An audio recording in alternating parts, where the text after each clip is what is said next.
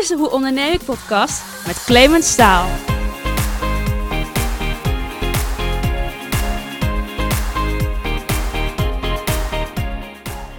Ja, hallo lieve luisteraar en wat leuk dat je weer luistert naar de Hoe Onderneem ik podcast. Ik moet je zeggen, ik vind het een enorm leuke aflevering geworden. Niet eerder had ik namelijk een gesprek in deze podcast dat zo uitvoerig op het onderwerp retail inging. Ja, de retail maakt natuurlijk een belangrijk onderdeel uit van ons MKB. En ook los van de hele coronasituatie is de retail volop in beweging. En met ondernemer en retail-expert Michel Kregel van Retail Dynamics ga ik vandaag in gesprek over die retail. We gaan in op het businessmodel dat hij heeft ontworpen, Cirkels of Retail, waarover hij ook het gelijknamige boek heeft geschreven. En niet zomaar een model en een boek, maar er liggen vele duizenden pagina's aan onderzoek en best practices aan te grondslag. Verder kom je er in deze podcast ook achter wat uh, surfen en een start-up met elkaar gemeen hebben. We bespreken de retailreizen die Michel organiseert. En we hebben het uiteraard over verschillende bekende retailers, waarvan sommige inmiddels helaas niet meer bestaan. Wat is de reden dat sommigen het dan redden en ja, andere bekende namen keihard onderuit gaan? Je hoort het in het gesprek dat ik had met Michel Kregel.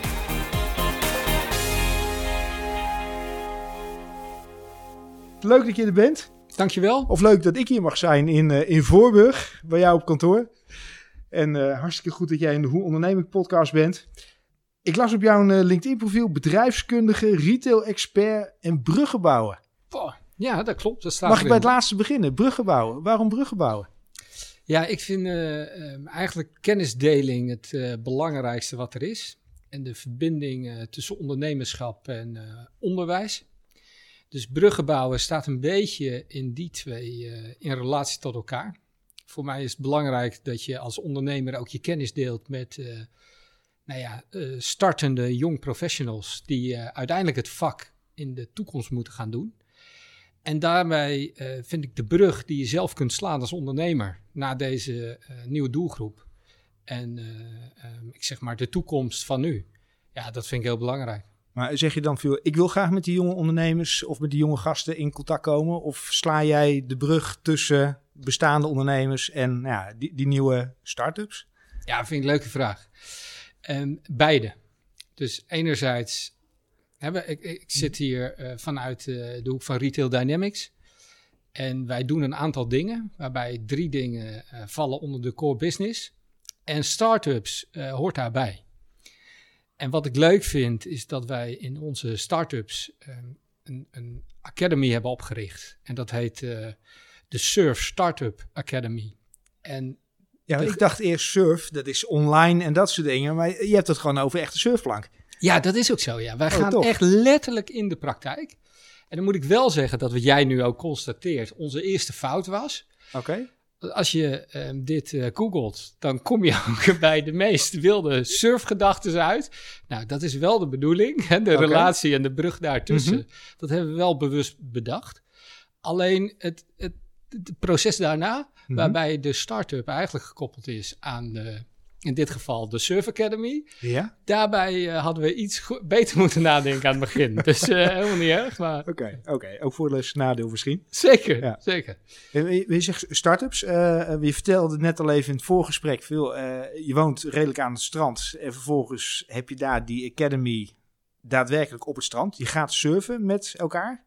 En hoe, hoe moet ik dat dan zien? Ja, wat het, wat het leuke is, is dat we letterlijk de... de bewegingen van het surfen zijn ook letterlijk uh, de bewegingen van het ondernemerschap. En heb je het niet over golfbeweging, neem ik aan? Of? Uiteindelijk wel. Oké. Okay. Ik zou je zo de, de vier ja, stappen ja. daarin even kort benoemen. Maar wat hè, bij mij, je noemt zelf al, wonen aan het strand. We hebben een aantal strandtenten die bij mij in de buurt zitten. Mm -hmm. En dat, zijn, dat is eigenlijk de niet-commerciële strandboulevards. Uh, uh, dat zijn een beetje vrijgevochten jongens. Ja. En die, die bestaan eigenlijk uit een uh, assortiment, uh, uit een inrichting die heel creatief is ja. en niet alledaags. En dat betekent dat een deel van de, nou ja, de start-ups, mm -hmm. de, de, theoretische onderbouwing, die vindt plaats in de, in de strandtent. Waarbij je in de meest creatieve gedachten ja, eh, hopelijk wordt uitgenodigd om vanuit een inspirerende omgeving ook tot eh, wat nieuwe inzichten te komen. Maar ik zit even te denken dan, want dat- dan bekruipt mij het gevoel van het is, het is wat retro-achtig. Het is niet te gelikt. Maar volgens mij is nieuwe, ja, de nieuwe stijl is tegenwoordig ook heel vrij. Beetje terug naar hoe het ooit was. Ja, mooi. Dat is ook Dat? exact Ja? wat het is. Dus wat we doen is, iedereen krijgt een surfboard. Mhm. En we starten eigenlijk eh, in de strandtent met een korte introductie. En het surfen en ook het ondernemerschap bestaat eigenlijk uit vier stappen. Mhm. En je moet je een beetje voorstellen dat je op je surfboard gaat liggen. En dat doen we dan letterlijk, hè? want Mhm. we willen heel graag dat je voelt welke stappen er zijn. En welke stappen je kunt zetten Ja. in eh, de, het idee ontwikkelen van Mhm. je eh, onderneming of eh, ja, wat je ook dan wil starten. Maar je, je pakt je surfboard, je gaat in het water en je peddelt zo tot aan de golflijn. Mhm. En dat doe je dus letterlijk. En in, in de praktijk ehm, zeg je eigenlijk, je bent bezig met je oriënterende fase. Ja. Dus jouw opmerking net van die golf, op dat moment dat jij in die golflijn ligt, dan maak je eigenlijk al stap 2. Mhm. En dat betekent dat je eigenlijk je golf moet kiezen. Ja. En want om te, te surfen is niet iedere golf geschikt. En dat is hier ook zo mee. En dat betekent eigenlijk dat je wacht tot de juiste golf voorbij komt. Mhm.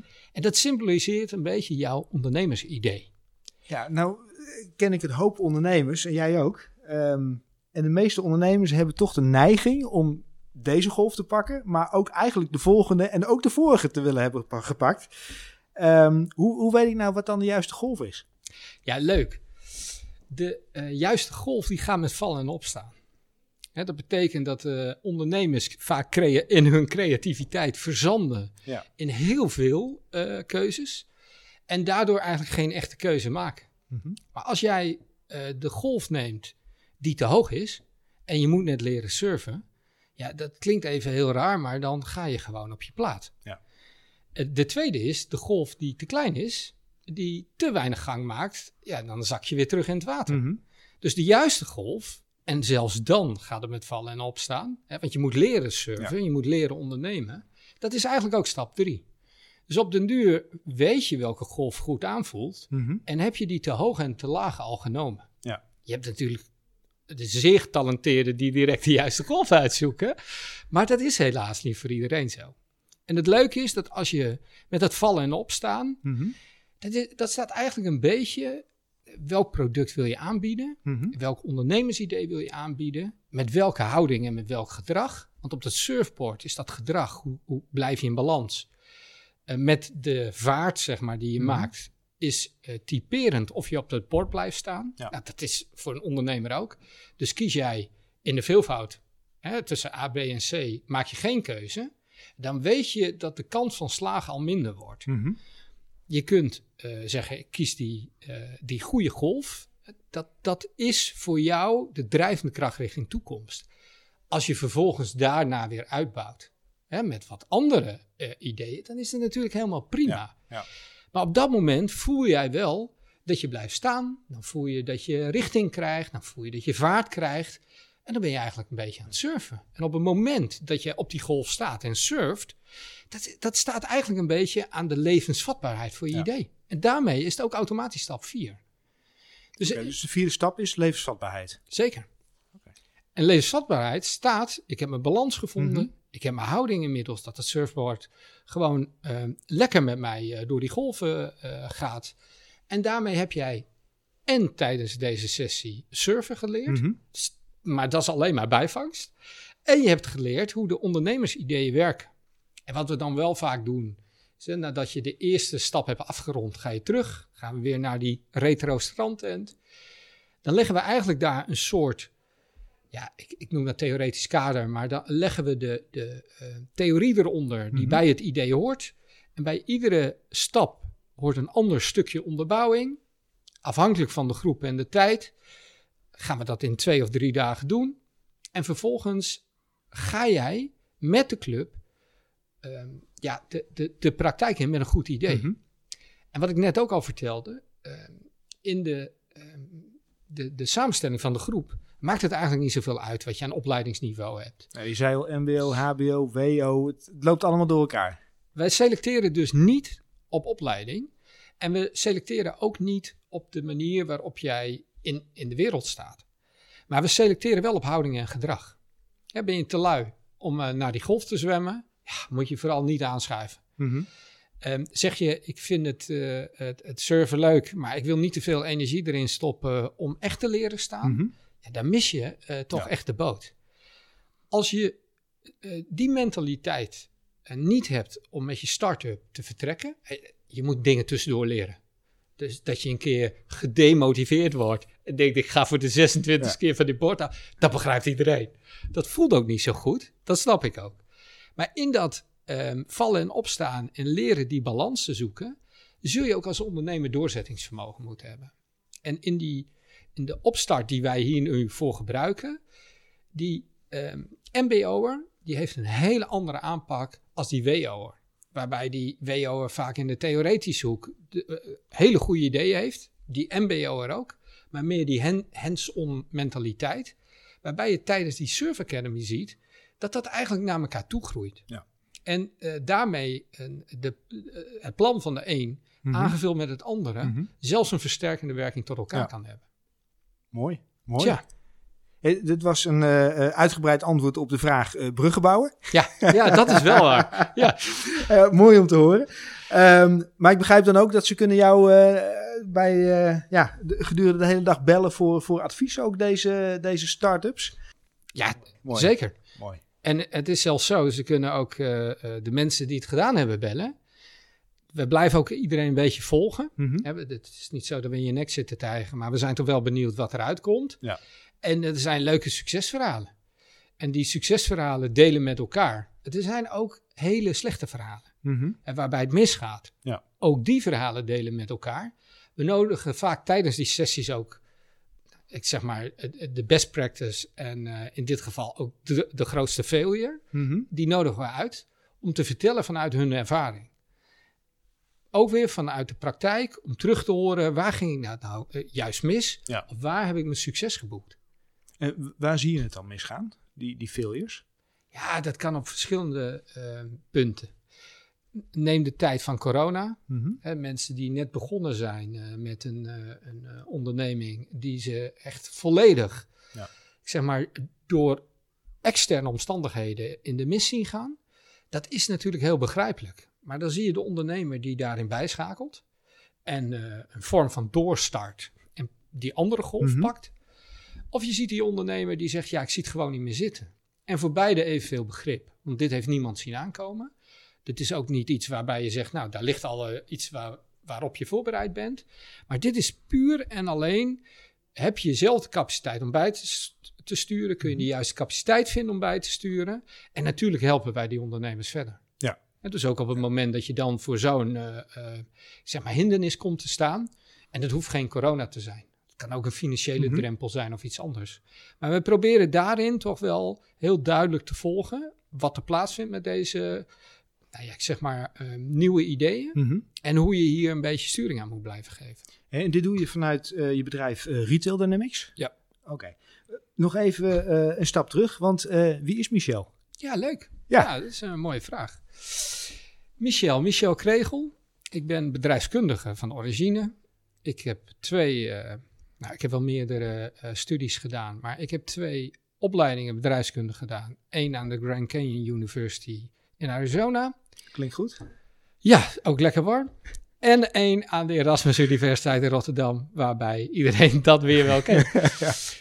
Moet ik wel zeggen, de ene was meer vanuit de economische hoek en de Mhm. andere meer vanuit de softkant. En dan gaat het meer richting HRM, cultuur. ehm, maar samen vormt het de totale 360 graden over bedrijfskunde. En de, de, de softkant, is dat dan Arizona of is dat hier? Nee, dat is hier. Oké. Ja, ja. Oké. Ja, dit, sterker nog, in, in Arizona bestaat het eigenlijk grotendeels uit het verhaal high performance management. Mhm. En dat gaat alleen maar over prestatie. Oké. Hoe ga Echt je Amerikaans. echt Amerikaans en op korte termijn rendement niet te ver vooruit kijken. Er zijn wel klimaatdoelstellingen, maar op lange termijn, ik zeg maar even met alle respect Ja, ja. voor onze Ja, onder Amerikaanse... Trump waren ze er niet. nee, nee, Parijs in, Parijs uit, maar maakt niet uit. Ja, dus mooi, mooi. En wat is meer jouw ding dan? Waar voel je je thuis? Arizona in dit geval of, uh, of Rotterdam dan toch? Um, nee, ik voel mij bij beide heel erg thuis. Mhm. Want ik ben wel zelf, bij mij moet het wel allemaal netjes in uh, lijstjes en in getallen terugkomen. Dus het moet wel daadwerkelijk... Je kijkt er ook heel serieus bij. Ja, zo voel ik dat ook. Ik moet wel zeggen, als je dan met een start-up Mhm. begint, um, dan zit je volledig aan de andere kant. Dus dan zit je wel in die creatieve geest. Maar men vertrekt wel ook met een gedegen plan. En dat gedegen plan is voor mij wel essentieel. Dat we niet alleen in die creatieve gedachten blijven hangen, maar het ook effect in de praktijk kunnen toepassen. En je vroeg net al, waar strandt dat? Mhm. Nou, daar strandt een groot onderdeel. En je vroeg net wie ik was. Ik heb ook twee kinderen, Nikita en Dennis. Mijn dochter uh, Nikita, dat is een uh, hele serieuze dame die haar verantwoording neemt. En uh, daar weet ik nu al van dat het in de toekomst helemaal goed gaat komen. Mhm. En ik heb een zoon, die heet Dennis. Dennis is 18 en die doet alles wat minder gepast is. Oké. Waarbij Die houdt van het leven. Die houdt van het leven. en ik moet zeggen, voor beide, hè, je houdt van beide kinderen evenveel. En voor beide aanpakken, ook dat is richting ondernemerschap, echt heel bijzonder om te zien hoe vanuit je eigen nest Mhm. een aanpak daar ligt die echt volstrekt anders is. Het gaat Ja, bij beide ja. echt helemaal goed komen. Alleen het leuke is dat ook als ondernemer, en je bent als, als startend ondernemer, Mhm. dat het dus niet zoveel uitmaakt of je links of rechts zit. Ja. Je moet alleen de juiste lijn kunnen gaan bewandelen. En daar heb je vaak iemand voor nodig die je op dat pad zet. Mhm. Sta je op dat, surf, eh, op dat surfen en ga je, dan is dat prima. En dan heeft ieder zijn eigen techniek, wat het beste werkt. En dat is bij mijn kinderen zo, dat is bij de ondernemers zo. Weet je, en die kinderen weten ook niet beter. Die worden groot aan het strand. Dus die kennen dit verhaal al van haven tot gort. Die kunnen gewoon lekker meedoen. Heerlijk, heerlijk. En hebben ze ook de ambitie dan om die retail in te gaan? Wat toch echt wel jouw, eh, jouw achtergrond is? Nou, de grap is, zoon, mijn zoon wel. Mijn dochter die heeft het ondernemerschap. En het eh, verschil voor mij is nog altijd, hè, de ondernemer is de creatieve geest en loopt het risico. En de retailer die managt het verhaal. En dat betekent dat je beide qua onderneming een beetje aan dezelfde schakel staat. Mhm. Maar dat je qua risicoverdeling een hele andere bent. Oké, dan heb je het over de retailer als manager, zeg maar. Ja. Dus ik werk voor een, weet ik wat, een, een Albert Heijn of een andere grote keten. En ik beheer een aantal, of eventueel één, eh, eh, locaties. En de retailer die is heel goed ehm, in principe om met mensen om te Mhm, gaan. mhm. Die kan heel goed sturing geven aan de organisatie en het hele plan daaromheen. En de ondernemer is de creatieve geest Mhm. die gewoon zijn idee doordramt. En daar hoef ik helemaal niet zo subtiel met mensen om te gaan. Want je werkt voor mij en dan moet je... En nu zet ik even heel slecht ondernemerschap. Ja. Absoluut niet de bedoeling. Want de meeste ondernemers zijn natuurlijk fantastisch ook in het omgaan met mensen. Maar dat is wel... Daar ligt het idee en het risico en de winstgevendheid Mhm. dat ligt op een ander level dan dat ik aansturing geef Mhm. aan het verhaal. Dus daarin zit ook wel een, een groot verschil in aanpak. Hoe, ben ik benieuwd hoe jij dan eh, bijvoorbeeld franchise-nemers ziet. Ja. Want er zijn natuurlijk een aantal franchise-formules in den landen die eh, eh, behoorlijk wat vrijheid geven. Dat is wel een andere vorm van ondernemen dan die franchise-nemers die heel strak in het regime, en dan zit ik even aan Albert Heijn bijvoorbeeld te denken, maar ik weet niet of dat het beste voorbeeld is, ehm, die echt gewoon in dat regime zitten en ja, er is weinig escape mogelijk. Hoe, hoe kijk je daar dan naar? Ja, dat is inderdaad wel heel mooi. Eh, Als je kijkt naar de, naar de, ik zeg maar de uitersten, dan is Albert Heijn misschien wel het voorbeeld wat je net noemt, waarbij ondernemerschap, risi, het risicodragend ondernemerschap, Mhm. dat is nog de, ehm, de franchiser die redelijk strak in het keurslijf zit. Qua assortimentkeuze kun je natuurlijk een aantal dingen toevoegen, en, eh, maar minimaal. Ja. De, de, de, het totale ondernemerschap, dat als je zelf een winkel zou beginnen, is 100% bijna anders. De andere kant is het onder, eh, eh, de, de franchiser die volledig vrijgelaten wordt, maar eigenlijk de naam Mhm. en het idee koopt. Ja. Daarbij blijf je gewoon ondernemer. En tussen die twee uitersten Mhm. zit ook het verschil in ondernemerschap. Die, die ondernemer die Albert Heijn doet, die is veel meer voor mij de retailer met een stukje eigen risico. En aan de andere kant is dat hetzelfde voor mij als je kijkt naar die, die, die eh, franchise-nemer die de naam en het concept eh, Mhm. koopt en de volledige vrijheid heeft. Ja. Want dat is voor mij nog steeds de creatieve ondernemer die daar zelf Ja. grotendeels Ja. iets mee moet gaan doen. Dan heb jij achtergrond in, eh, in retail. Je hebt jarenlang voor CNA onder andere gewerkt. Ja. Ehm, en op een gegeven moment ben je voor jezelf begonnen. Ja. Wat, wat maakte de, de, de omslag dat je op een gegeven moment dacht van... Ah, ik heb hier genoeg gezien of geleerd? Of misschien was je klaar met mensen boven je of naast je? Of wat was de reden dat je voor jezelf bent begonnen? Ja, de, eh, het ondernemerschap zelf Mhm. is voor mij, dat is altijd iets wat is blijven, wat, wat, er was en ook wat is blijven hangen. Dus de eh, kennis eerst opdoen in de praktijk. Hoe werkt een retailer in zijn organisatie, in zijn proces? En wat vind ik nu zelf eigenlijk daar het leukste in? Want er zijn heel veel ondernemers die hebben dat idee niet bij de start. Dat, dat ontstaat ook in, in, in de tijd, juist door ervaring vanuit de praktijk. En een organisatie als CNA, maar dat, dat zijn ook andere grote organisaties die het zelf goed uitgedacht hebben. CNA kenmerkt zich natuurlijk door de familie Brenningmeijer, Ja. die ook heel veel andere ondernemingen eh, kopen en verkopen. Ja, En de daar- meeste Nederlanders zien ze eigenlijk alleen maar in de quote langskomen. Zeker, zeker. En vervolgens natuurlijk het, het logo van CNA daar in dat straatbeeld. Nee, nee, dat, dat is ook zo. En sterker nog, ik noem altijd de CNA de speeltuin van de familie. En dat is ook zo. Het is niet zo dat het meeste geld nu van de familie bij CNA verdiend wordt. Maar in vastgoed of zo dan? Of?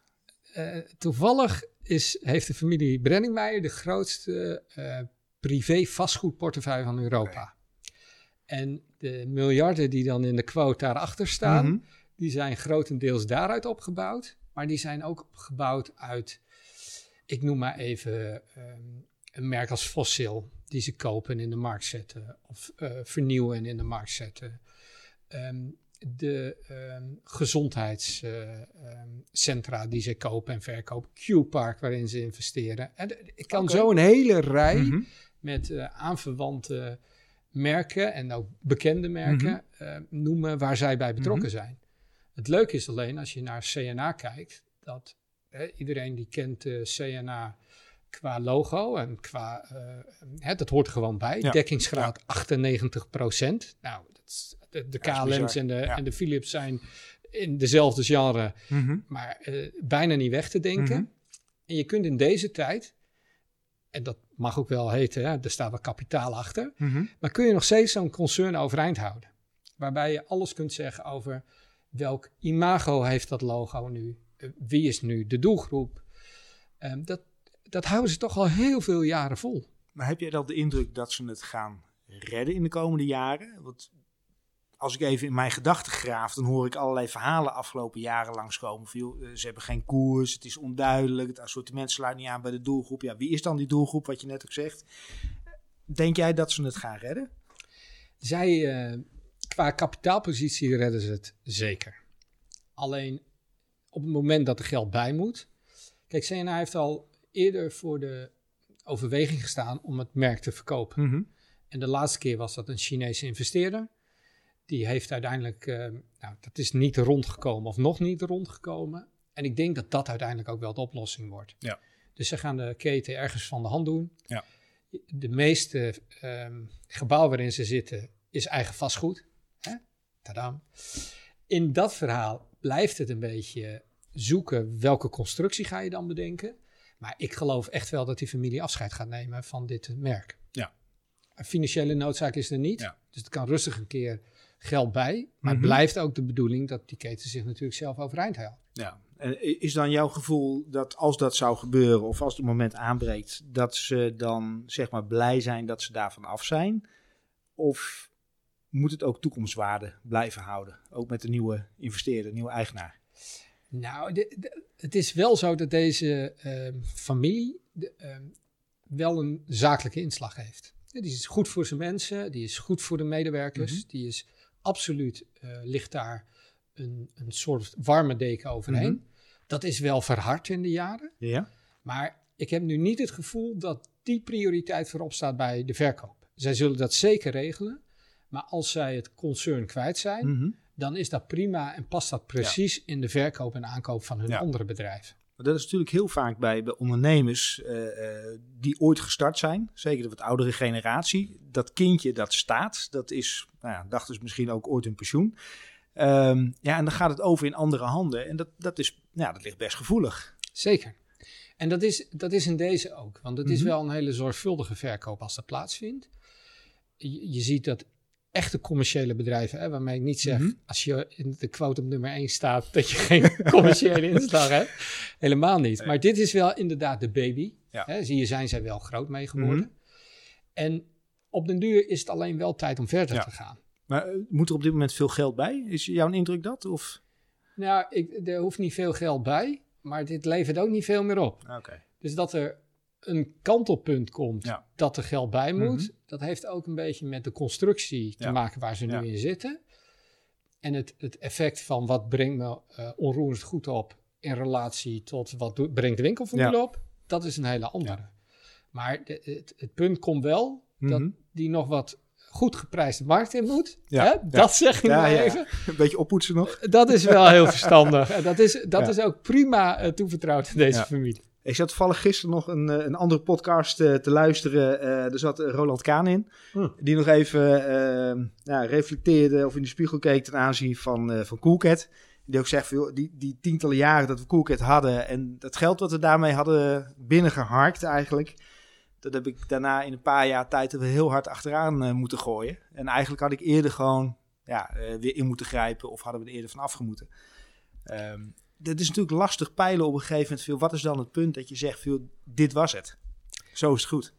Het leuke is ehm, dat eh, meneer Kaan misschien wel een van de be- betere voorbeelden is waar het heel snel mis is gegaan. Ik heb heel veel respect voor die man en wat hij heeft gedaan. En hoe, de manier waarop hij met zijn ehm retail-omgeving is omgegaan. Hij heeft ook tussendoor nog behoorlijk weer geïnvesteerd. Ja, ja. Maar het zijn niet direct de meest grote succesformules geworden. Ehm, laat staan, eh, gecontinueerd in Mhm. de omgeving waarin die zat. Hè, het VD-platform gekocht, waarbij de naam, eh, dat snap ik nog, maar je weet dat de inhoud daarachter eigenlijk al ten dode is opgeschreven. Ja, ja. Bestaat nog steeds. Komt voor mij nog steeds niet uit de verf. Ik kom er nergens tegen. En volgens mij weet eigenlijk in Nederland bijna niemand dat het überhaupt er is. Nee, het heeft, sterker nog, het heeft bijna een imago.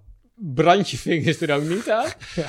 Maar hij doet het wel. Ja. Dus daar heb ik Het is toch een respect voor. stukje folklore of zo. Ik bedoel, Het VND hoort bij Nederland. Ja. Althans, bij de generatie van ons. Maar die folklore, hè, daar had meneer Kaan ook zijn klompen moeten uittrekken. En eh, tot een stukje vernieuwing moeten komen. Ja. Want dat is ook wat. Hè, de, de merkbekendheid is zo groot, maar is inmiddels zo besmet. Dat als je dat wil omzetten Mhm. tot een succesvolle Mhm. online eh, aanbieder, Ja. dan kun je beter met een nieuwe naam eh, Ja. beginnen. En eh, ik snap zijn gedachte erachter.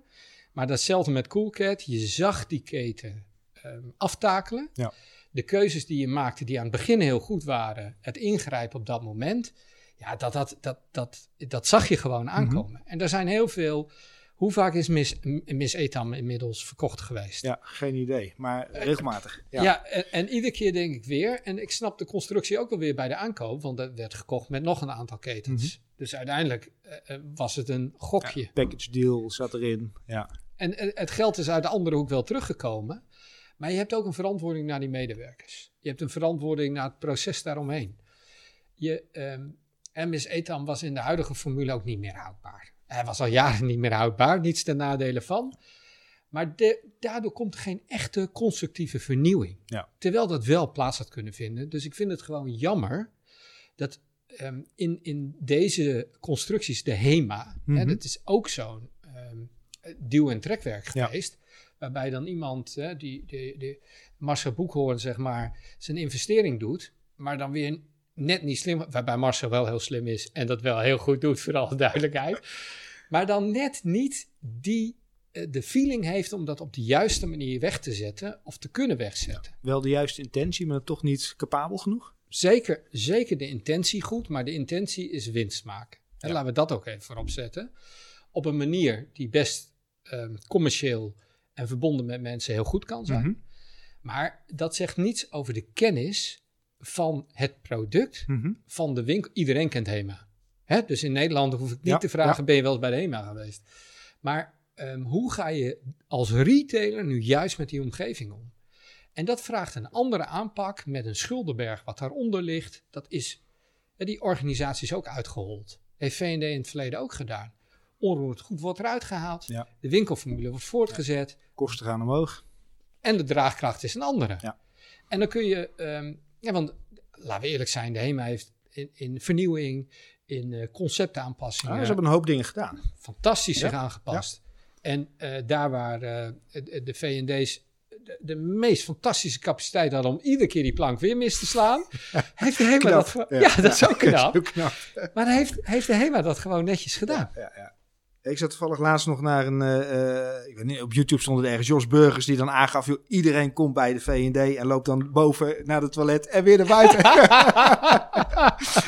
ja, maar Ja. goed, oké.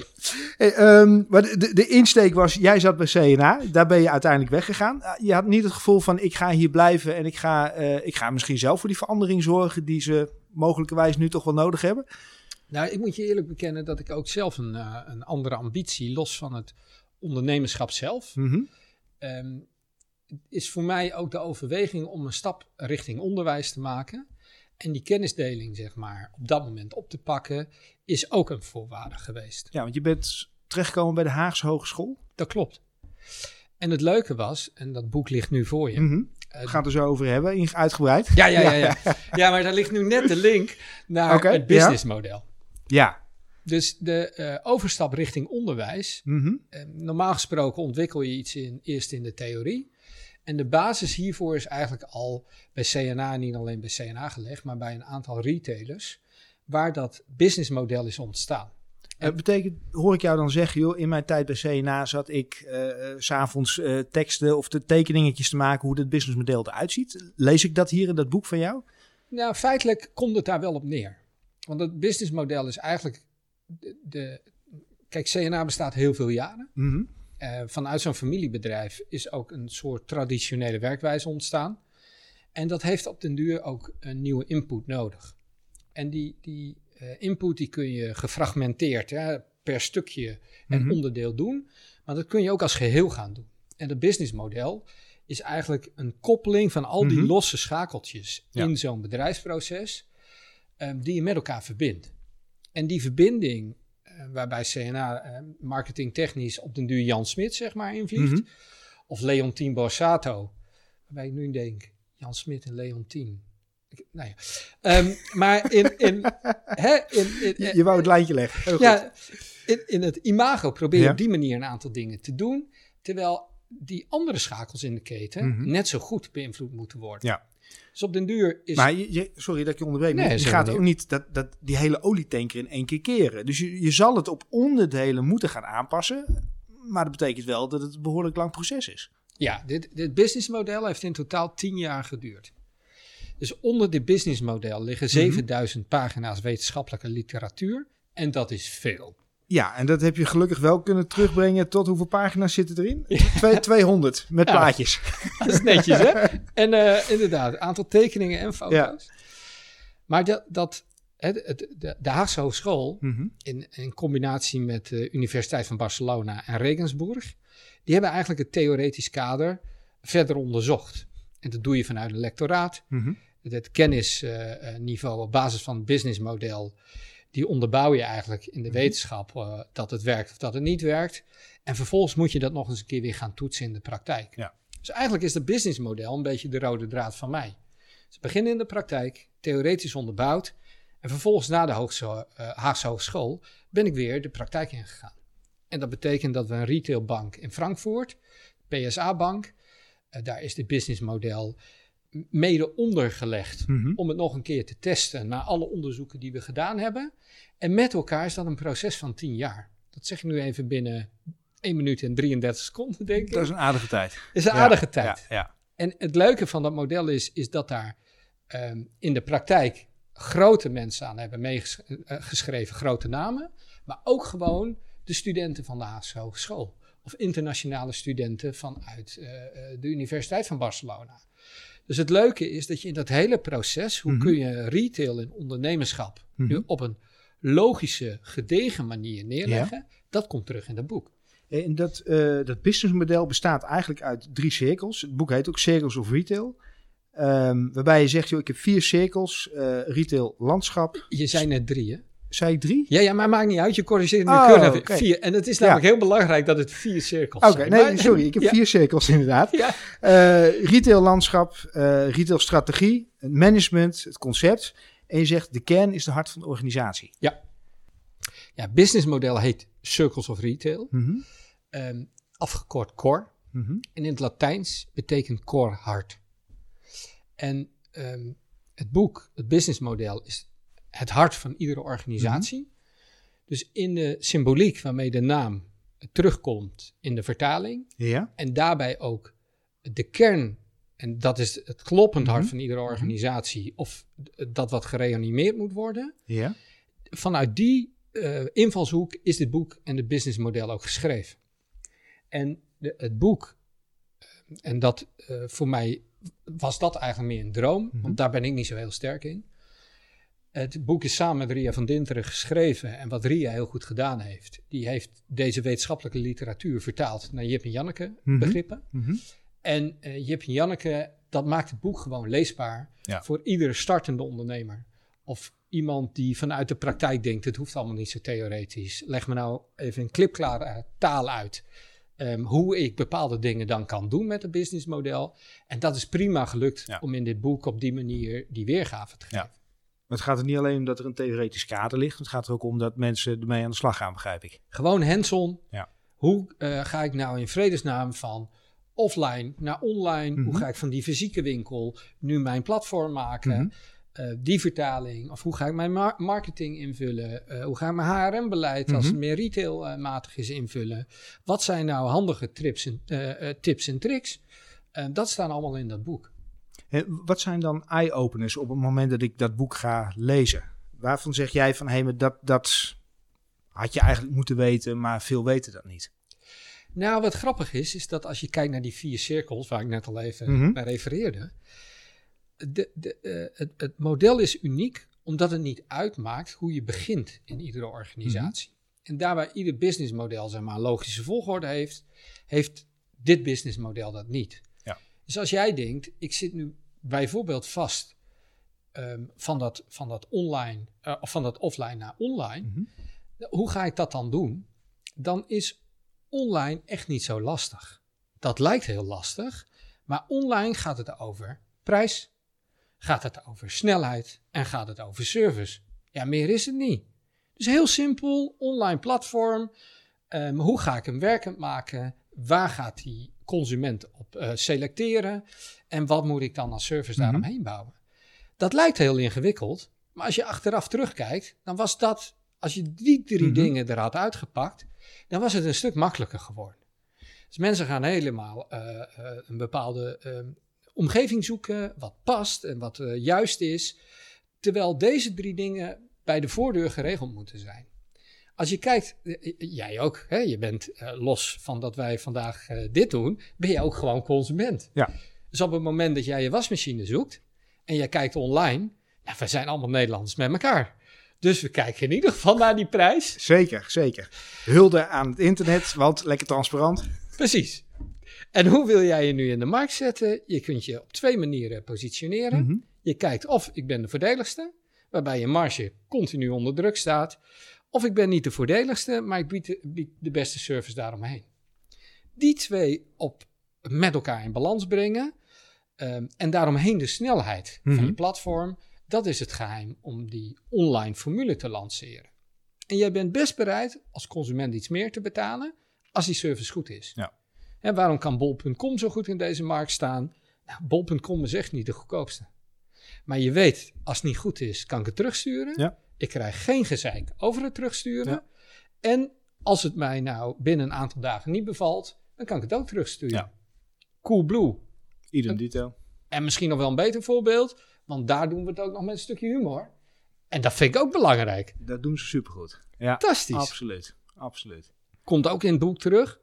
Ehm, de, de gedachte vanuit hè, Coolblue is een werking die eigenlijk aan het begin iedere week twee nieuwe webstores opende. Mhm. En vanuit die webstores de shops, zeg maar, eh, inkleden. Wasmachine.nl. eh, Ja, kabeltjes, hoesjes, weet ik veel, .nl. maakt niet uit. Ja. Allemaal eigenlijk nu weer een vorm van teruggebracht tot één formule. Ja. Super goed gedaan. Klantvriendelijkheid hoog Mhm. in het vaandel. Ja. Eh, kijk, Retail Dynamics gaat altijd uit vanuit de klantbehoefte. Mhm. Dus de reis die die klant aflegt, die moet altijd op nummer 1 staan. Eh, dat is ook wat je die jonge ondernemers bijbrengt. Dat, is wat je. Hè, want we hebben het eigenlijk helemaal nog niet over de core business van het bedrijf gehad. Dit is één onderdeel daarvan. Ja, ja, ja. Hè, want wat we eigenlijk doen, is. eh, onze klanten die zijn grotendeels internationaal. En dus 90% van de groep waar wij mee werken, Mhm. zijn internationale ondernemers. En dat betekent dat we letterlijk de hele wereld overvliegen om hun concepten, hun manier waarop ze handel drijven, Mhm. om dat te, te analyseren, daar de verbeterpunten uit te Mhm. halen en uiteindelijk een plan te ontwikkelen, Mhm. die vervolgens ook implementeren Mhm. en daar die ondernemer opnieuw mee op de kaart te zetten. En dat zijn altijd retailers? Nee, dat zijn zeker niet altijd retailers. Het zijn wel altijd, ehm, de focus ligt altijd op handel. Ja. En dat kan ook groothandel zijn. Dus voor ons is wel de, het han- handelselement een eh, belangrijk onderdeel. Maar dat kan bijvoorbeeld ook Philips zijn, die met zijn gezondheidszorg levert aan de ziekenhuizen, Mhm. de gezondheidsapparatuur. Dat is dan eigenlijk business to business. Maar ehm, uiteindelijk jij als klant, en dat hoop ik niet, hè, ehm, komt uiteindelijk in aanraking met die Ja, apparatuur ja. van Philips. Dus daar in dat soort ketens opereren wij wel degelijk. Oké, en dan zit ik even te denken, dan heb je te maken als, als ik als klant of als patiënt in dat geval bij dat soort apparaten heb te denken, eh, te maken met, met gebruiksvriendelijkheid of met, met design of wat, wat is jouw rol daar dan in? Nee, de- eh, het leuke is dat het eigenlijk, dat doen ze wel heel goed. Mhm. Dus de aantrekkelijkheid van die apparaten, wat vroeger überhaupt niet ter discussie stond, als maar functioneerde, Ja. is nu wel echt op een eh, sexy manier vormgegeven. Mhm. Maar wat het meer is, is dat jij als eindgebruiker een aantal, ehm, zeg maar, processen gebruikt daarvan. Dus de vriendelijkheid met instappen, het, ehm, de, de, de, de werking van het Mhm. apparaat, de, de- het, geluidsniveau. Het kan honderdduizend van die dingen bedenken die belangrijk zijn, waar jij als, als klant gebruik van maakt, Mhm. maar noodgedwongen in uitkomt. Maar dan hoor ik eigenlijk het verlengde van de customer journey. Eh, op het moment dat het product is aangeschaft, dan nog zit er een soort reis aan vast. Zeker. Eigenlijk is, is van de eerste ontwikkeling Mhm. van een product, dat begint eigenlijk al, ik zeg maar, bij het, het, het, het eerste stukje wat je, ik, neem je kleding, dan begint Mhm. het bij katoen. Hè? Ja. In dit geval, eh, dat kan ook een, een polyestervezel Mhm. zijn. Eh, tot het eindproduct dat je er afscheid van neemt. En afscheid kan zijn, het gaat in de, in de, in de verkoop opnieuw. Ja. Hè, eh, middels eh, de, de tweedehands eh, of de derdehands of de vierdehands variant. Maar dat is ook de verwerking tot, ik zeg maar, afval. Mhm. En het, de hele keten, die is belangrijk. Want bij het begin zul je al na moeten denken hoe milieuvriendelijk je uiteindelijk afscheid neemt van dit product. Maar je zegt, zal je moeten nadenken. Gebeurt dat ook vo- vo- volledig? Nee, Oké. Dat gebeurt wel. Ja. En de betere bedrijven, die doen dat ook steeds beter. En wat, wat zijn dan bijvoorbeeld de betere bedrijven? Dan neem je ehm, Lush, dus de, de, de, ehm, de zeepjes, eh, Ja, ja. de bodycare, zeg maar. Mhm. Hoe, hoe ga je al bij het testen om met je product? Eh, eerder was het de, de, de diervriendelijkheid stond wat ter discussie. Mhm. Hè, dus we testen uiteindelijk de uitwerking op dieren. Ja. Dat doet Lush niet. Mhm. Ja, dus de, de, de vriendelijkheid bij, de, bij, bij het testen van een product is al daadwerkelijk in de keten verwerkt. Hoe, ik zeg maar, eh, belastbaar is het voor het milieu? Dat zijn dingen waar in de hele keten rekening mee wordt gehouden. Hoe is uiteindelijk de vervuiling van het product ergens in deze keten? Daar wordt uiteindelijk ook rekening mee gehouden. De winkels, hè, wie, wie, staan daar? Welke Mhm. medewerkers worden geselecteerd? Ehm, daar, wordt allemaal, daar is goed over nagedacht. En binnen zo'n formule, die eigenlijk heel verantwoord onderneemt, Mhm. is daar in die hele keten over nagedacht. Er zijn ook, ik noem maar even de grote jongens van deze wereld, En dan kom je een beetje in, in discussies eh, die, die heel gevoelig zijn. Maar kijk je bijvoorbeeld naar Black Lives Matters. Mhm. Dat eh, heb ik ook eh, onlangs een eh, artikel over geschreven. Je- als je kijkt naar hoe bepaalde concerns hebben zitten slapen. Ja. Met het idee dat de, de uitingen van hun logo of de uitingen van hun product absoluut niet overeenkomen met de huidige stand van zaken. Hè, dat je op de duur ergens mee begint, dat snap ik. Maar vervolgens pas je het dan 100 jaar toe. Terwijl je weet dat in die hele discussie jouw logo volledig misplaatst is. In de uiting van reclames nog steeds een bepaalde hè, eh, eh, eh, vorm met een relatie tot het verleden gelegd kan Mhm. worden. Dat kan gewoon niet meer. En sterker nog, eigenlijk moet je je sterk achter de oren krabben.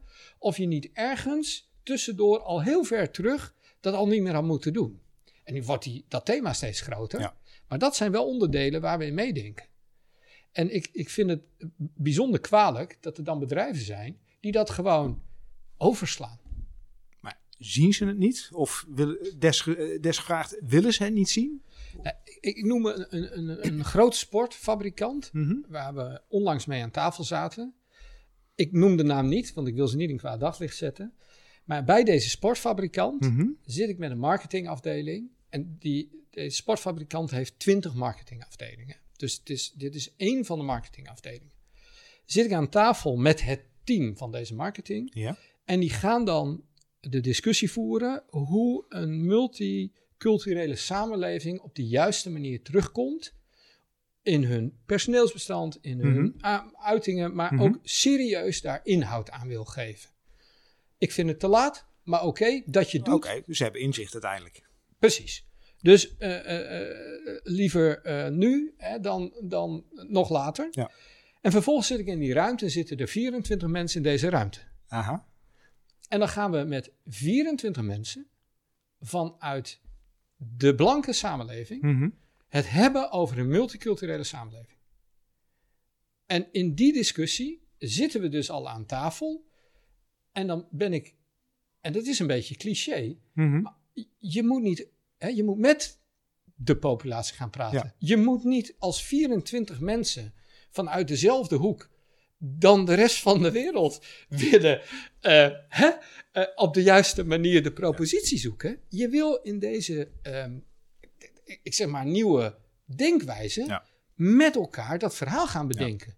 Dus het eerste wat ik gedaan heb, is ga deze mensen maar vervangen. Niet omdat ze niet goed zijn, maar je kunt niet iets gaan bedenken vanuit Ja, jouw het is hoek. geen afspiegeling. Dat is, en, en, ik, en, en dit zijn, hè, dit zijn miljardenbedrijven Mhm. die op dat onderdeel dan net de mist ingaan. Ja. En echt niet met kwade zin. En met alle beste intenties. Maar je kunt in de stap die je dan moet Mhm. zetten, moet je zelf op dat moment het voorbeeld zijn. Ja. Voordat we heel erg diep op eh, inclusie en diversiteit Nee, en dergelijke ja, ja, ja, ingaan. maar ben jij dan, of zijn jullie dan degene die zeggen van... hé hey, jongens, laten we even rond de tafel hier kijken? Of is dat ook wel een inzicht waar ze dan eh, ja, waar ze zelf mee komen? Nee, nee, nee. Dit, is, dit, dit, dit kwam in deze uit onze hoek. En hier hoef je geen wiskunde voor gestudeerd te hebben om dat in een zaal te zien.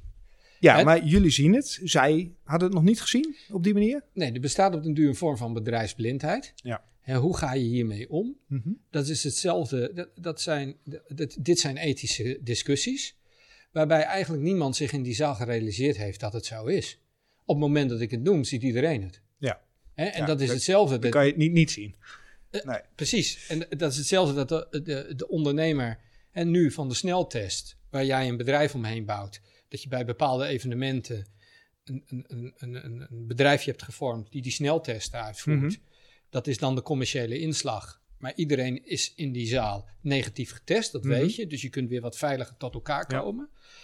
Eh, dat is een ondernemer die ziet dat. Mhm. Ja, die, die ondernemer die daarnaast stond en daar niet in sprong, die heeft dat niet gezien. Ja. Zo simpel kan het zijn. En dus je ziet het pas op het moment. En hoe- hoeveel van die ondernemers roepen nu: Oh, dat had ik eigenlijk willen doen. Ja. Het, het, het- het is, het is niet zo dat hij dat niet wilde. Het- Maar ja, dat, dat geldt natuurlijk sowieso met ondernemen. Want alles wat je gaat doen, elk product wat is ontwikkeld en dergelijke. Hoe vaak hoor je niet, oh, maar dat had ik ook wel eens een keer bedacht. Zeker. Maar het wordt niet gedaan. Zeker. Maar tussen het ene is het stukje lef Ja. om het te doen. Eh, eh, daar hoort ook direct een bepaald risico Mhm. bij wat je, wat je durft te ondernemen. Maar aan de andere kant is het ook het gewoon oprecht niet zien. Ja. En degene die roept, ik had het wel eens gezien, ehm, die heeft in de, in de tijdsfactor vaak, ehm, was die daar nog niet aan toe. Ja. En die denkt achteraf, oh, had ik dat maar Nou gedaan. ja, of niet het lef om het aan de kaak te stellen. Zeker. En die andere die het niet ziet, die zit misschien net op een hele andere plank. En die kan wel heel veel succes weer aan de andere kant hebben. Maar het moment dat het, dat het valt Mhm. en dat je durft te doen, dat hoort nou precies bij ondernemerschap. Ja. En dan, dan moet je ook bereid zijn om van die surfplank te vallen en te zeggen, Ja. helaas. Ja, met, met alle respect uiteraard voor jou en voor, voor, voor datgene wat je doet. Maar ik kan me ook bijna niet voorstellen dat er dan nooit iemand anders in zo'n organisatie heeft gezegd: hey, zullen we dit? Hebben we wel eens zo gekeken? Hebben we dit moeten we gaan doen? Maar omdat jullie langskomen en daarvoor betaald worden, wordt er anders tegen aangekeken. Nou, het, het- het, eh, om eerlijk te zijn, is dat ook vaak zo. Er zijn, eh, dat is een beetje de roepen in de woestijn. Er zijn daadwerkelijk wel eens, ehm, en dat is misschien wel het slechtste voorbeeld, Ja. de Belastingdienst, geen ondernemer, maar iedereen die in de toeslagaffaire nu naar die tijd roept. Ja, eh, maar dat had ik toch al jaren aangegeven. Ja. Dat is daadwerkelijk, de enerzijds is het doofheid bij de mensen die erover gaan Mhm. de druk eh, Ja. die er ligt op een organisatie Ja. of het niet willen zien. Ja. Dat gebeurt gewoon. En dat, is, dat, is, dat, dat gebeurt bij ondernemers ook in grote bedrijven. Mhm. En dan moet ik ook zeggen dat waarmee zend ik dan mijn signaal uit, uit en hoe duidelijk ben ik? Mhm. Heb ik het duidelijk genoeg gezegd? Dat is ook wel onderdeel van dit verhaal. Soms landen dingen gewoon niet, soms ben ik niet duidelijk genoeg. En soms als ik kom, hè, want bij mij is dit maar één onderdeeltje. Dit, nogmaals, dit was de meest makkelijke opmerking van deze hele opdracht. En dat is puur op basis van visuele waarneming. Ja. We hebben uiteindelijk heel veel andere dingen Mhm. gedaan, die veel meer impact hebben uiteindelijk op langer termijn. Mhm. En, maar dit is gewoon een typerend voorbeeld hoe eenvoudig het kan zijn om in een miljardenorganisatie ehm, tot bepaalde insteken te Mhm. komen die je gewoon op een andere manier moet starten. Als je dan naar, naar deze account kijkt, ehm, eh, je zegt dit was een hele makkelijke inkopper eigenlijk. Waar ben je dan het meest trots op bij zo'n organisatie? En misschien niet specifiek bij deze, omdat dit misschien nog loopt. Nou, waar ik het meest trots op ben, is vaak dat de eh, doelstelling van de klant bereikt wordt. En, eh, En dat is meer winst? Ja, dat is feitelijk wel. Dat, dat is in 9 van de 10 gevallen komen wij om de winstgevendheid te verbeteren. En dat kan soms zijn dat bedrijven echt gewoon eh, eh, nagenoeg op sterven na dood zijn. Mhm. Maar dat kan ook zijn omdat er bepaalde innovaties toegepast moeten worden. Mhm. En die eh, innovaties die kunnen heel divers zijn. Mhm. En wat ik net ook vertelde, we hebben een groot project gedraaid in, in Dubai. In, de, in dit geval hè, gerelateerd aan het, aan het foodsegment. En de, de opzet daar was dat men online op een metrostation moest kunnen bestellen. De ideeën die waren er al, dat dat eh, vanuit, eh, ik zeg maar Tokio, ligt er al een, lag er al een soort idee, maar wel in Mhm. een hele andere vorm. Dit moest in een compacte, Mhm. automaatvorm terug kunnen komen, waarbij de automaat een 3D-effect heeft van de producten die jij kunt bestellen. Die automaat is eigenlijk ingekleed met een compleet supermarktassortiment. Jij kiest op dat metrostation, kies jij je producten. Ja. Die producten betaal je, die reken je af. Mhm. En op het moment dat jij thuis bent met de metro, ja, je moet natuurlijk niet vijf minuten van die Ja, locatie, ja, ja. staan die boodschappen op de stoep. Eh, wa- wa- waar zie ik dan het verschil, of ik zie het nog niet, laat ik het zo zeggen, eh, met eh, ik zit op mijn telefoontje en ik, ik bestel bij, bij albert.nl of picnic.nl. Waar zit het verschil dan? Het, het, het, eh, verschil zit hem in de logistiek. Mhm. Dus dat betekent dat ik nu iets bij Albert bestel en eh, al problemen heb om een juist bezorgmoment te kiezen. Dat is altijd mijn gevoelige onderwerp bij Albert. Oké. Neem Als- een andere aanbieder. nee, nee, helemaal niet. Helemaal, dat is allemaal. Dus niets ten nadele van Albert. Maar als ik vandaag trek heb Mhm. in Chinees, Mhm. of ik heb trek om van de toko iets te eten, dan heb ik daar nu behoefte aan. Ja. En bij Albert moet ik een week wachten voordat mijn boodschappen er Ja. staan. En dan heb ik geen trek meer in Mhm. dat wat ik wil. Mhm. Dus de, de manier waarop dit concept wordt weggezet, en het concept is al in Azië al jaren, maar zit hem in de logistieke snelheid van de bezorging. Maar waar zit dan het verschil in tussen die, die ik zie het dan voor me, een soort zuil ergens bij het metrostation waar ik op ga lopen klikken op een soort iPad, Ja. versus ik kan het gewoon vanaf mijn telefoon en dan is het er ook als ik thuis kom. Feitelijk zou dat ook kunnen. In deze, in, in, de, de keuze die we nu gemaakt hebben, is het enerzijds het visuele aspect Mhm. en een extra toevoeging. En waarom doe ik soms mijn e-mails op mijn telefoon en soms op de laptop? Is enerzijds van de bereikbaarheid, anderzijds gebruik ik het, het, het, het apparaat voor iets Mhm. anders. En is het een, ehm, het, het, het momentum waarop ik gebruik maak van het apparaat bepalend? Dus de ene keer bestel ik ook liever iets op mijn Mhm. telefoon. De andere keer bestel ik liever iets op mijn laptop. En de andere keer bestel ik iets liever op die zeil. En je moet ook blijven innoveren Ja. om de aantrekkelijkheid, eh, ik zeg maar, eh, te houden. En de, de, de iPad kent iedereen nog wel. Hè? Inmiddels, ja, het- het- hij is er nog. Maar ik weet niet waar die bij jou ligt. Ja. Bij mij liggen ze opgestapeld in de kast, verstoft en Ja, kijkt nooit klopt. iemand er meer naar. klopt. Ja. Dus op het moment dat het- device wisselt, Mhm. eh, is vaak een ander Ja. device die het overneemt. Ja. Maar dat zo moet je ook dit verhaal een beetje Maar zien. zie je daar dan echt toekomst in, in zo'n zo'n zeil, bij zo'n metrostation? Zeg, nee, maar het is ook echt, het is exposure, het is branding en het creëert een vliegwiel naar dat mensen straks online makkelijker het weten te vinden of zo.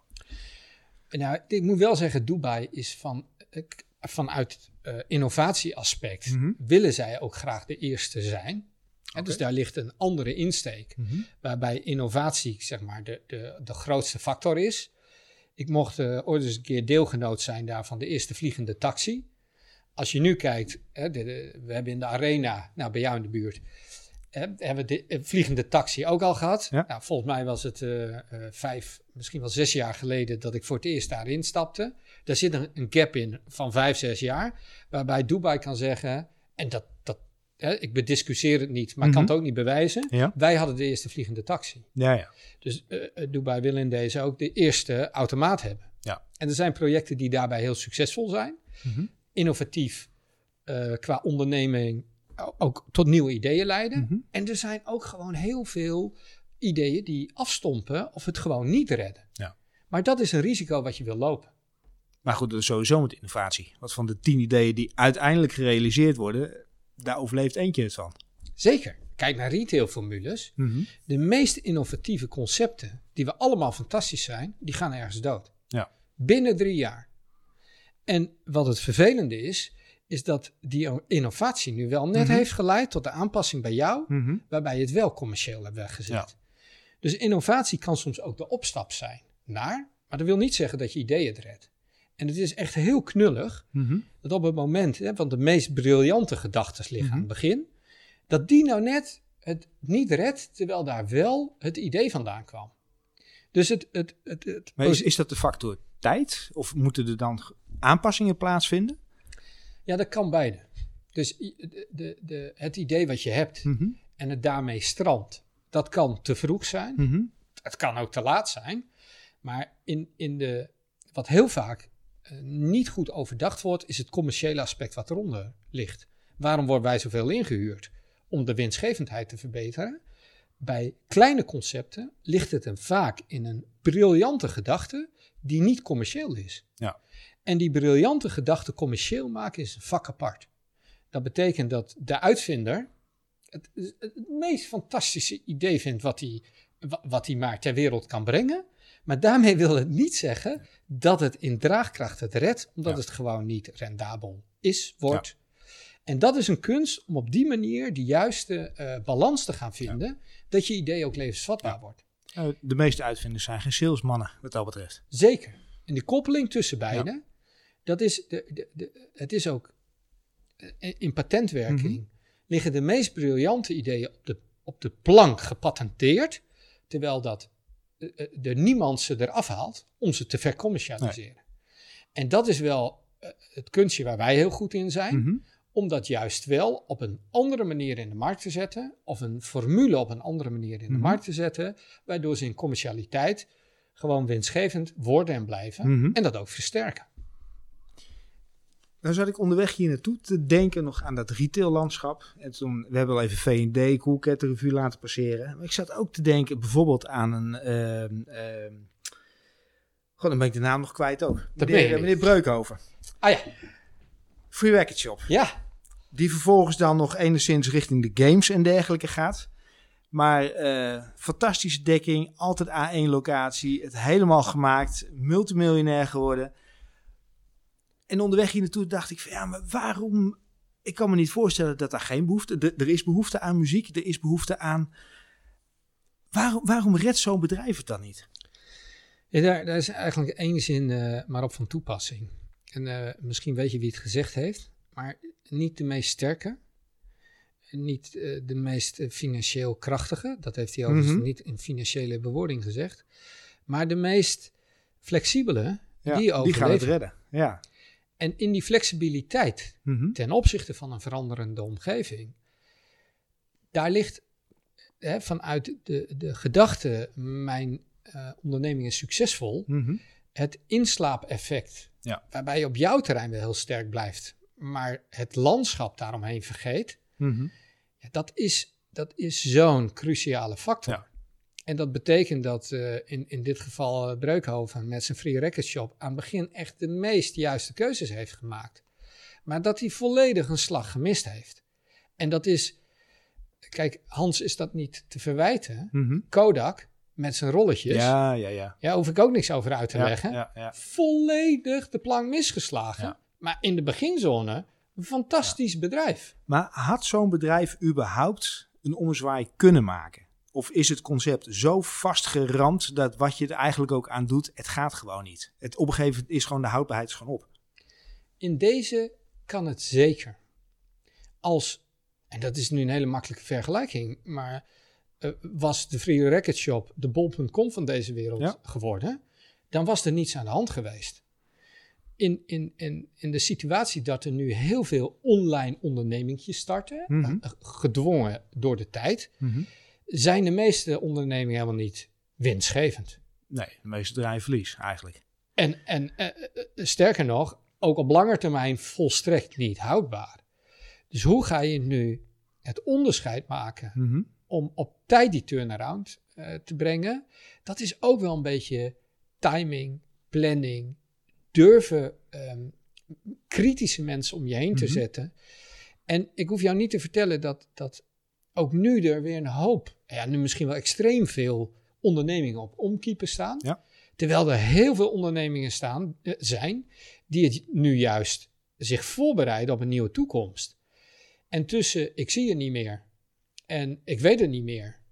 Het zal na die tijd wel dezelfde wereld weer worden. Ja, nou, dat zal waarschijnlijk niet zo zijn. Je slaat volledig de plank mis. Ja. En juist in die gedachte eh, voor flexibiliteit en niet de sterke, Mhm. want Free Record Shop is een voorbeeld van de sterkste. Ja. Ehm, maar de, de, de, de koppeling dat het daar niet meer uit bestaat. Mhm. Ja, Amazon die is hier begonnen als boekenleverancier. Het, is, het, het was bijna de ECI van vroeger. Ja. Hè? Ja, als je nog even een aantal klassiekers erbij wil. De grap is dat Amazon het met een hele andere gedachte doet. Ja. En eh, die weet wat daarachter eh uiteindelijk gaat ontstaan. Dus die kunnen rustig investeren Ja. en daar geld in pompen. Uiteindelijk verdient zich dat wel terug. Nou ja, je noemde net Bol. Eh, Bol is ook natuurlijk steeds breder gegaan. Zeker. En af en toe vraag ik me wel af, ja goed, is dat daadwerkelijk een slimme zet? Ja, je moet ergens iets, je moet verbreden misschien. Maar daardoor word je ook, eh, nou, er wordt altijd geleerd, je moet eigenlijk een niche market opzoeken. Dat hebben zij in ieder geval overgeslagen ondertussen.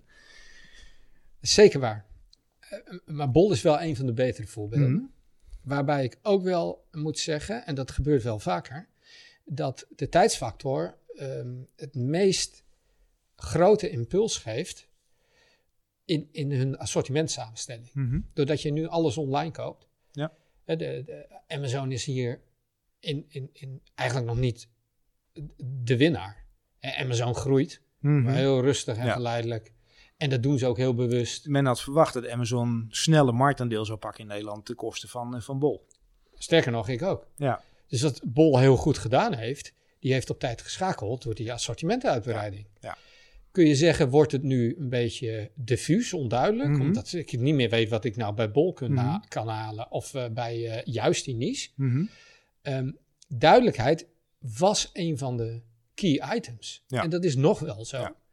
Maar of je bent heel duidelijk in de niche, of je zorgt voor een enorme verbreding van het ah, online assortiment. En dat doen ze goed. Dat doen ze fantastisch. Ja. En in, in deze is juist de spreiding van de assortimentsgroepen, Mhm. leidt er namelijk toe dat jij nu eerst ook even op bol kijkt. Hebben ze het wel of hebben ze het niet? Waarschijnlijk hebben ze het wel. Ja. En sterker nog, hebben ze het niet, dan heb je het al in die zoekbalk ingegeven en hebben ze een uitstekende registratie. Hoe vaak jij gezocht hebt. Klopt. En dan komt het vanzelf. Zeker. Ja, ja, ja. en met dank aan Rutte, want volgens mij werd Bol eh, letterlijk één op één benoemd in eh, de allereerste persconferentie. Ga online, ga bij Bol kopen. Eh, dus ja, wat voor ambassadeur zou je willen hebben? Ja, ik moet wel zeggen dat ik dat dan nou. eh, eh, ik gun Bol, Bol dat van Ja, harte. ja, ja. ja. Maar daar had hij ook wel honderd andere, andere namen voor kunnen ja, dat klopt. Dat klopt. En, en zeker. Maar het is toch de kracht van, van de sterke partij dan? Zeker. Naamsbekendheid. Zeker. Ja. Nee, dat, dat is absoluut. Ik, ik weet niet. de, hè, de- ik heb aan het begin, al begin, ik noem maar even een aantal jaren terug, een, een lezing gehouden over Black Friday Mhm. en Singles Day. Op dat moment had niemand van Singles Day eh, gehoord. Omzettechnisch deed Black Friday toen, nou, ik, ik zeg maar even eh, 9 miljard. Ja? En toen was Singles Day al vijf keer groter. Wauw. En Singles Day is eigenlijk iets wat uit de Aziatische hoek komt. Hè. De populatie is daar groter. Mhm. Ehm, maar eh, daar waar wij ons altijd, of grotendeels, aan de Amerikaanse uitingen houden. Ja. Hè, dus Black Friday komt vanuit. Ja, eh, westers georiënteerd zijn we. zeker. Ehm, vergeten we, hè, want dat is een beetje het free record shop effect. Dat Singles Day, op dat moment al vijf keer groter, doet nu in het eerste half uur 20 miljard omzet. Binnen het uur 40 miljard omzet. Bizar. Hebben we een uur, hè? Bizar. Uurhandel.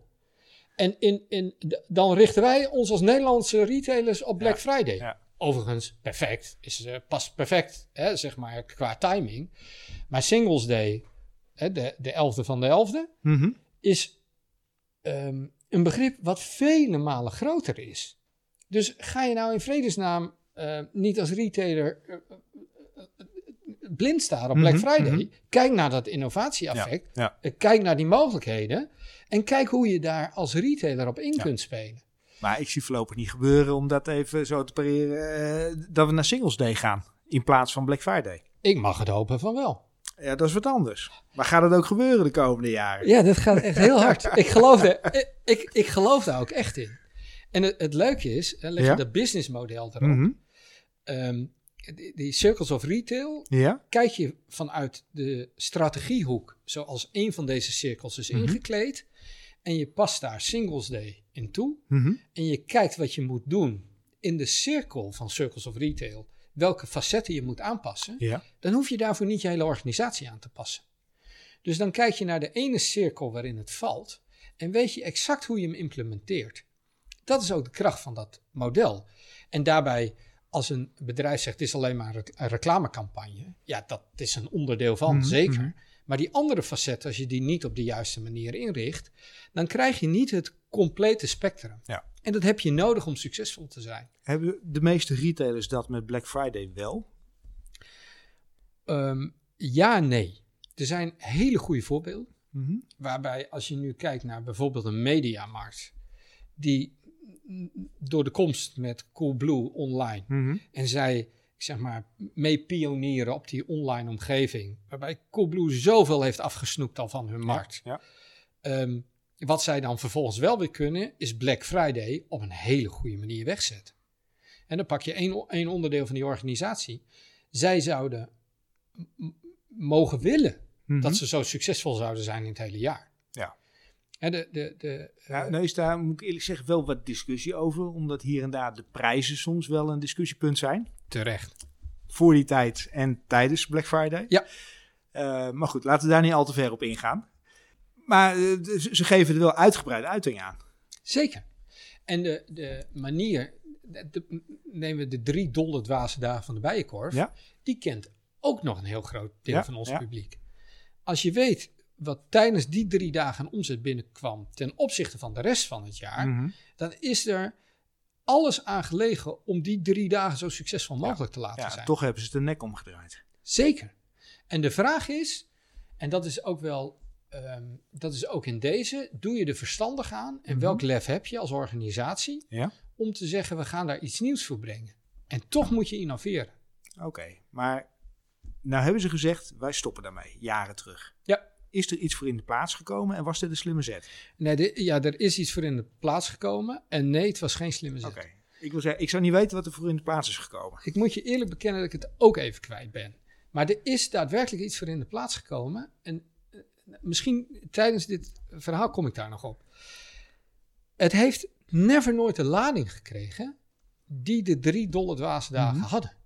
Zij wilden ook een beetje van dat imago af. Mhm. Hè, dus ze wilden ook, op den duur werd dat ook wel een beetje een koopjeshoek. Ja. Bij de bijenkorf koopjeshoek is natuurlijk een beetje ordinair uitgedrukt. maar ze wilden daar wel heel duidelijk van Mhm. weg.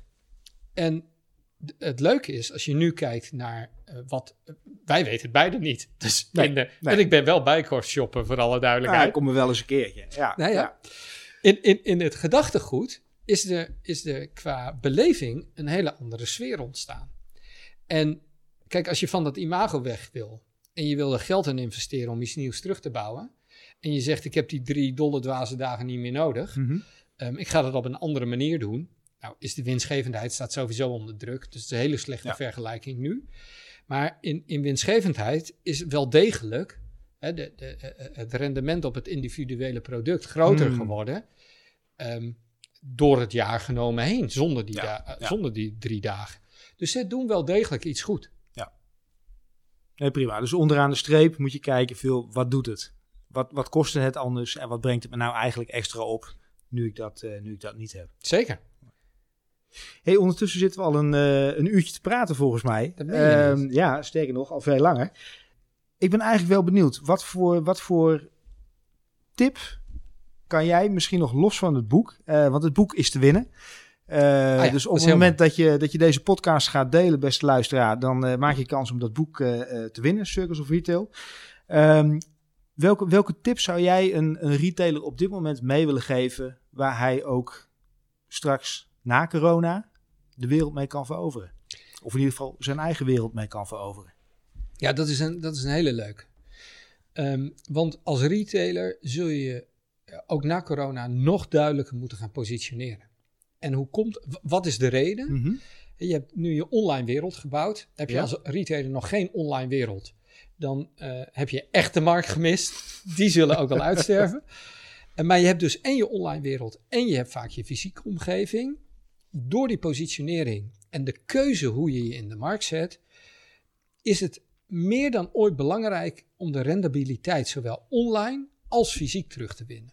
En als je nu een, een webshop hebt wat nog niet rendabel is, Mhm. dan is er alles aan gelegen om ook na corona die webshop eh, in, in, in rentabiliteit eh, enorm te laten winnen. En als jij je positie in het middensegment bepaalt, hè, dus ik ben of niet de goedkoopste, of ik ben niet de beste, of ik heb niet de beste service, Dat is best lastig. dan wordt het echt, dan, dan wordt het een vraag wanneer en hoe lang kun je dit verhaal volhouden. Dus of je kiest voor die online omgeving die ik net al Mhm. heb genoemd, eh, prijs, service, snelheid, Ja. daar richt je die omgeving op in. Of je kiest, en dan is de fysieke omgeving Mhm. ook voor prijs, waarbij voordeel voorop staat. Of je kiest voor beleving, Mhm. dus je zult in die fysieke winkel kies je een belevingselement die je toevoegt aan je assortiment, waar niet direct het rendement op zit, maar dat die klant wel weet dat Ja. jij er bent. Ja. Die twee omgevingen, die zul je op de juiste manier moeten gaan inrichten. En maak je geen keuzes en blijf je voortdobberen, de wereld hierna is een andere. Ja. Niet alleen voor ons, maar zeker voor de retailer. Dus je zegt wat dat betreft, op het moment dat jij geen keuze maakt, maakt de klant geen keuze voor jou.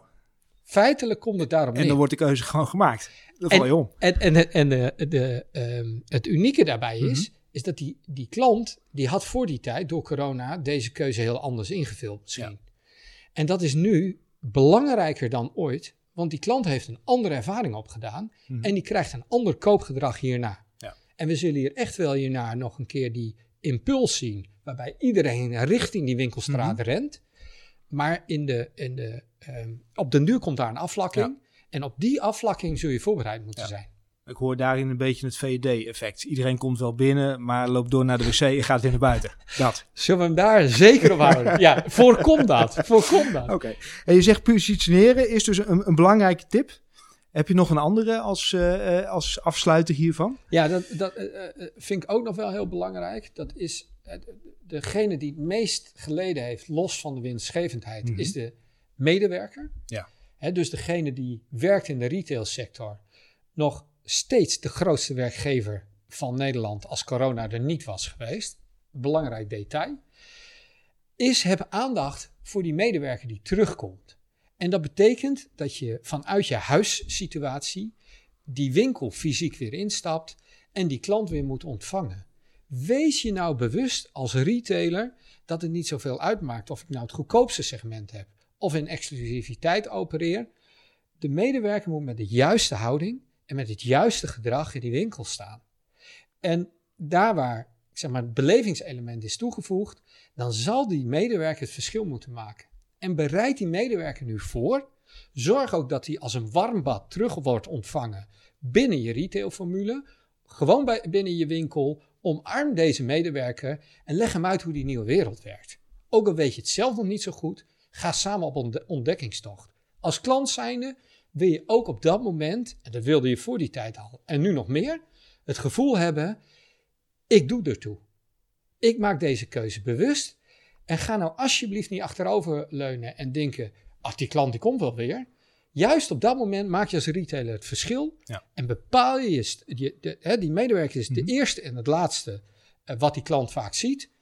Bepaal dat die medewerker de belangrijkste factor in deze eh, organisatie is naar de klant toe. Ik hoor jou zeggen, op het moment dat jij de medewerker voorop stelt, dan stelt de medewerker de klant voorop. Ik vind hem heel mooi op deze manier verwoord. Zeker. Michel, bedankt voor eh, deze podcast. Ik wens je onwijs veel eh retail succes. Clemens, dankjewel. Jij heel veel succes met je podcast. En eh, ik vond het leuk om een keer met jou aan tafel te zitten. Insgelijks, dankjewel man. Oké. Zo, lieve luisteraar, je bent er nog. Volgens mij was het gesprek dynamisch genoeg om je scherp te houden. En laten we hopen dat met het einde van de hele coronacrisis de retail, ja, en zeker ook de lokale ondernemer, dat die weer de weg naar boven kan vinden. Je hoorde het al even, je kan het boek Circles of Retail winnen. Deel deze podcast even en laat mij dat dan ook weten. En wie weet krijg jij dan dat boek per post thuisgestuurd. Delen van deze podcast wordt natuurlijk altijd op prijs gesteld, niet alleen door mij. Maar ik ben ervan overtuigd dat ook mensen om je heen deze podcast enorm tof zullen vinden en waardevol. Abonneer je even en mis er uiteraard dan geen één meer. En wil je in contact komen? Dan kan dat via LinkedIn of info@hoeondernemik.nl. Tot de volgende keer.